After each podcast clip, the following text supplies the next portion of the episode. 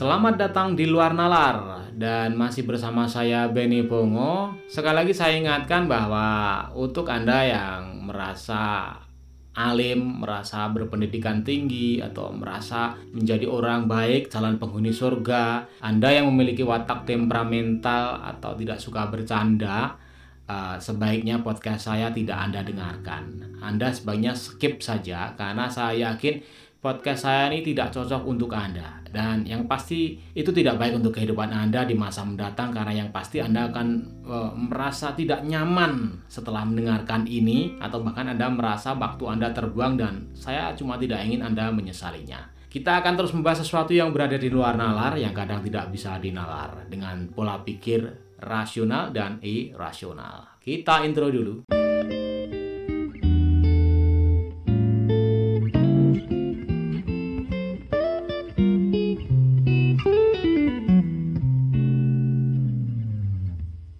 Di podcast kali ini kita akan membicarakan kenapa pria lebih rentan mati daripada wanita atau dengan kata lain pria lebih cepat mati daripada wanita. Ini serius sekali teman-teman. Walaupun bagi sebagian orang bicarakan kematian itu adalah hal yang tabu, tidak baik atau bahkan mengerikan. Tapi saya yakin ini adalah hal yang perlu kita ketahui semuanya apalagi uh, saya berbicara atas nama pria di seluruh dunia semua pria harus tahu ini dan wanita pun juga harus mengetahui ini dan mari sama-sama kita mencegah agar rasio kematian seorang pria itu menurun daripada wanita. Dan di podcast kali ini kita akan membahasnya secara gamblang dan saya berharap Anda mengerti walaupun pada endingnya ini akan terasa menjengkelkan. Dari survei di lapangan yang tidak bisa dipertanggungjawabkan tentunya dan juga dari survei kesehatan, pria memang cenderung memiliki riwayat atau kondisi kehidupan yang lebih berat daripada wanita. Dan kebanyakan wanita tidak pernah memahami hal ini. Dan berbahagialah untuk Anda yang memiliki pasangan yang mampu memahami kondisi pria atau kondisi Anda ya. Sehingga umur Anda bisa lebih panjang, hidup Anda lebih baik, hidup Anda lebih berkualitas daripada wanita-wanita yang tidak mampu memahami kondisi pria sehingga uh, pasangannya atau suaminya barangkali atau pacarnya atau gebetannya lebih rentan cepat mati daripada dia. Dan ini fakta di lapangan memang nyatanya seperti itu. Banyak pria lebih cepat mati daripada wanita yang dikarenakan beberapa sebab. Salah satu penyebab kenapa pria lebih rentan mati atau lebih cepat mati pada umur 60 atau bahkan 50 adalah ketika mereka menyadari bahwa selama ini mereka dibohongi oleh para wanita. Ini jelas tidak pernah difikirkan oleh para pria di masa muda. Mungkin para jomblo tidak pernah tahu bahwa sebenarnya kita sebagai pria adalah korban penipuan dari semua wanita. Diakui atau tidak diakui itu adalah fakta. Kenapa saya berbicara seperti itu? Semua wanita adalah penipu. Ingat itu, semua wanita adalah penipu. Tetapi ada beberapa wanita yang sadar bahwa ia telah menipu dan mereka mencoba memperbaikinya dengan tidak terus melakukan penipuan terhadap pasangannya. Sehingga di sinilah yang kita sebut sebagai wanita yang pengertian dengan pasangannya yang menghasilkan kehidupan pria yang lebih berkualitas, kehidupan pria yang berumur panjang tentunya. Berbeda dengan wanita penipu yang tidak menyadarinya atau bahkan memang dia menyadari tetapi tidak mau menghentikan pekerjaan menipu pria ini yang mengakibatkan pasangannya memiliki hidup yang tidak berkualitas atau bahkan cenderung lebih memiliki umur yang pendek. Jika kita bertanya kepada orang-orang baik, orang-orang pintar, atau mungkin orang-orang alim, kenapa pria lebih cepat mati? Tentu mereka akan menjawab dengan sangat lugu, rasional, dan sederhana bahwa pria cepat mati karena pria banyak menanggung beban pikiran seperti menanggung nafkah keluarga atau pria sering mengalah atau pria sering begadang, pria memikirkan anak-anak dan masa depannya. Ini adalah jawaban yang biasa-biasa saja saya kira. Pola pikir manusia pada umumnya dan juga hasil survei mengatakan demikian. Ini masih di dalam nalar. Sementara kita berada di luar nalar, tentu jawaban ini tidak rasional dan juga tidak irasional. Maka yang saya tekankan di sini adalah kita mencari jawaban kenapa pria lebih cepat mati daripada wanita dengan jawaban lain yang lebih baik lagi. Maksud saya adalah jawaban yang tidak umum. Oke, kembali ke masalah perempuan menipu. Banyak lelaki tidak menyadari bahwa ia telah ditipu. Namun pada akhir-akhir umurnya, pria selalu menyadari bahwa selama ini mereka ditipu oleh para wanita. Dan inilah kesalahan pria. Menyadari kesalahan seumur hidup ketika dia sudah hampir mendekati kematian. Dan di podcast kali ini sebenarnya saya mengajak kita semuanya untuk mencegah hal ini. Mencegah pengetahuan yang terlambat. Ingat, mencegah pengetahuan yang terlambat untuk seluruh kaum pria di seluruh Indonesia, di seluruh dunia, dan di mana pun berada. Dan untuk para wanita yang selama ini melakukan penipuan kepada pria hingga mengakibatkan mereka tewas atau menderita atau bahkan mati lebih cepat, Semoga para wanita-para wanita ini sadar, kemudian mengubah pola pikir dan pola hidup dan juga tata cara mereka memperlakukan pria agar lebih baik lagi. Teman-teman, penipuan yang dilakukan wanita dimulai dari sejak pacaran. Banyak sekali pria terkecoh dengan senyuman. Bayangkan, dengan hanya modal senyuman seorang wanita mampu membuat dompet terkuras. Anda mungkin tidak mengakui bahwa pertama kali Anda mengenal wanita tentu dari senyumannya. Tidak mungkin seorang wanita yang tidak tersenyum membuat Anda jatuh cinta. Di sinilah awal mula petaka dan awal mula kasus penipuan yang berlanjut bertahun-tahun atas nama cinta. Ingat, atas nama cinta dari senyuman itulah seisi dompet rontok dan keluar. Keringat-keringat bercucuran dari hasil kerja sehari penuh, bahkan Sabtu Minggu masih lembur, rontok hanya karena senyuman demi membuat wanitanya tersenyum bahagia yang kita sebut sebagai pengorbanan.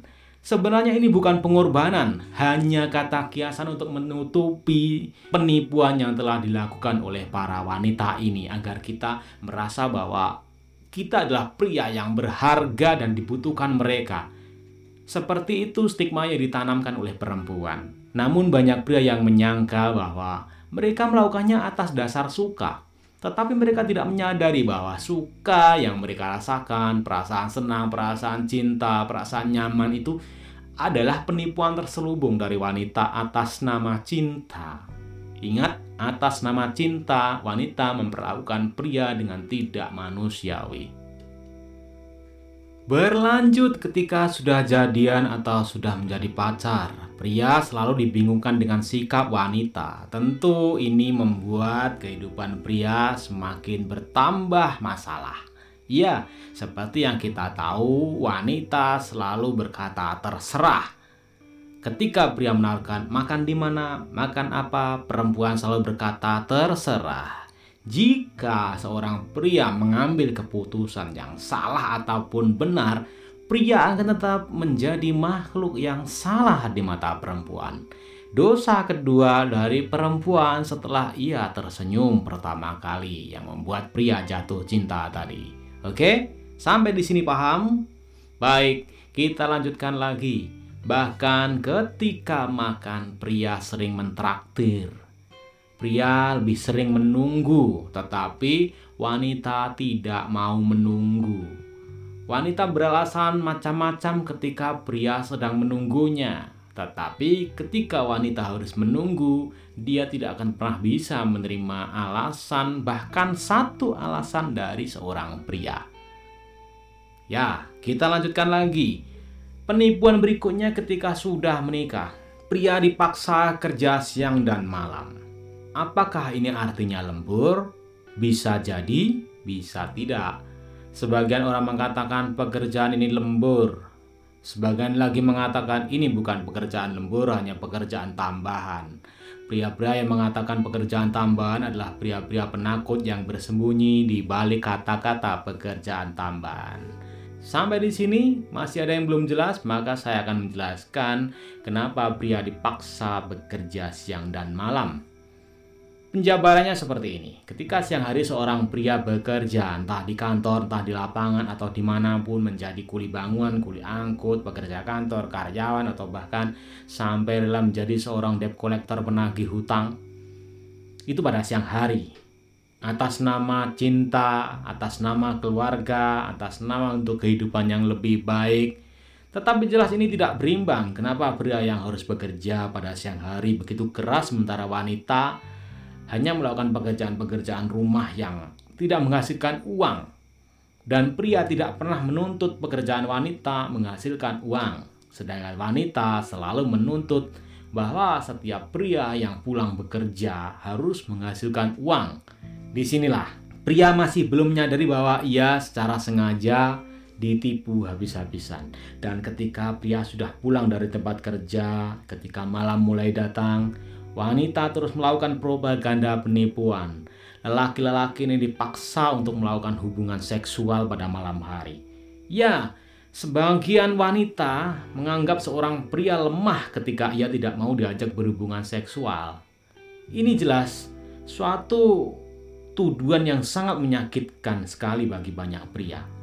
Namun, ketika wanita tidak mampu atau tidak mau diajak untuk melakukan hubungan seksual atas nama cinta, nafsu, atau kebutuhan biologis, mereka tidak mau disalahkan, dan pria pun kebanyakan juga tidak menyalahkan. Pria lebih mudah memahami, mungkin jika memang tidak bisa memenuhi hasrat seksual bersama istri, pria melakukan onani atau sejenisnya. Namun, ketika seorang pria tidak mampu memenuhi kebutuhan seksual seorang wanita, maka wanita akan menganggap bahwa pria tersebut lemah. Atau dalam bahasa kasarnya impoten alias tidak berdiri, atau ya begitulah. Dari sini penipuan terus dilakukan lagi. Ketika sudah berkeluarga dan memiliki anak, seorang pria akan semakin menjadi incaran dari kesalahan-kesalahan orang lain, terutama perempuan. Ya, seperti contohnya ketika memiliki anak dan melakukan kesalahan, setiap orang akan selalu anak siapa? Bukan ibunya yang disebut tetapi bapaknya. Inilah yang menjadi kesalahan umum kita sebagai masyarakat menyalahkan setiap kesalahan seorang anak dengan menyebut nama bapaknya. Yang perlu kita ketahui bahwa bapaknya tidak pernah menemaninya dalam keseharian anak tersebut. Anak lebih banyak bersama ibunya ketika ayahnya bekerja di luar. Ingat itu. Jadi mulai sekarang mari kita tidak menyalahkan setiap kesalahan anak dengan menyebut itu kesalahan bapaknya atau kegoblokan dari ayahnya. Ini akan menjadi sebuah pencegahan dini dari proses kematian yang lebih cepat dari para pria. Kita lanjutkan ketika pria sudah masuki usia menua atau usia lanjut sekitar 50 sampai 60 tahun ketika anak-anak mereka sudah e, berdiri sendiri mungkin sudah berumah tangga atau kalau orang Jawa bilang sudah mentas ya mentas itu artinya yaitu sudah berumah tangga sendiri sudah mempunyai kehidupan sendiri. Seringnya seorang pria lebih banyak menghabiskan waktu untuk sendiri atau bersama teman-temannya. Dan ketika seorang pria menyendiri di sinilah mereka mulai menyadari akan kesalahan-kesalahan mereka selama ini kesalahan-kesalahan mereka dalam kehidupan yang telah dijalani selama puluhan tahun bersama pasangannya Bahkan tidak jarang pria menyadari bahwa selama ini ia telah tertipu dengan propaganda yang dilakukan oleh para wanita. Ya, kesalahan yang terlambat untuk dipahami. Nah, ketika pada posisi menyadari kesalahan ini, pria merasa dirinya sangat kecil dan tidak berharga lagi. Bahkan perasaan malu kepada dunia itu mulai keluar. Dia merasa selama ini aku adalah pria yang ternyata sangat kecil, pria yang katanya tegap, gagah, dan tegar ternyata bertahun-tahun ditipu oleh wanita. Dan di sinilah akhir hayat itu adalah karena kesadaran memahami kesalahan yang terlambat. Maka di podcast kali ini saya mengajak untuk teman-teman para pria Jangan pernah mau ditipu oleh wanita. Dan walaupun saya sendiri sudah berusaha untuk mencegahnya, namun sampai detik ini saya masih sebagai korban. Walaupun saya menyadari sebagai korban, namun paling tidak saya sudah menyadarinya, sehingga kesempatan saya untuk menjadi lelaki sejati masih cukup banyak sekali daripada Anda yang ditipu bertahun-tahun sampai akhir hayat atau mungkin Anda yang ditipu bertahun-tahun baru menyadarinya ketika di ujung hayat Anda. Inilah poin penting dari podcast kali ini bahwa mari sama-sama menyadari bahwa pria adalah korban penipuan dari wanita dan pesan untuk seluruh wanita di dunia. Tolong hentikan propaganda kalian menipu para pria dengan menyalahkan mereka setiap waktu. Sebagai contohnya adalah ketika Anda ditawari makan apa dan makan di mana, jangan bilang terserah. Jika Anda bilang terserah, pastikan Anda betul-betul menerima keputusan pria dengan ikhlas dan sepenuh hati. Yang kedua, jangan menyalahkan pria ketika mereka tidak mampu memenuhi kebutuhan atau hasrat seksual Anda dengan mengatai mereka sebagai lelaki lemah, lelaki impoten, dan juga sejenisnya. Kemudian, jangan pernah menyalahkan pria ataupun ayah yang lain atas kesalahan setiap anak, ya Perempuanlah yang bersalah atas setiap kesalahan yang dilakukan anak karena dalam keseharian anak perempuanlah yang mengasuhnya. Pria di luar sedang bekerja. Mereka tidak mengasuh anak, mereka tidak mengerti apa yang terjadi di rumah. Jadi berhentilah menyalahkan setiap apa yang dilakukan anak, setiap kesalahan anak dengan menyebut itu kesalahan bapaknya yang tidak bisa mendidik, kegoblokan ayahnya yang tidak bisa mendidik. Di sinilah paling tidak kita berusaha mencegah atau mengurangi angka kematian dari seluruh pria-pria di dunia. Walaupun seumur hidup kami akan terus melakukan kegiatan sebagai seorang yang tertipu.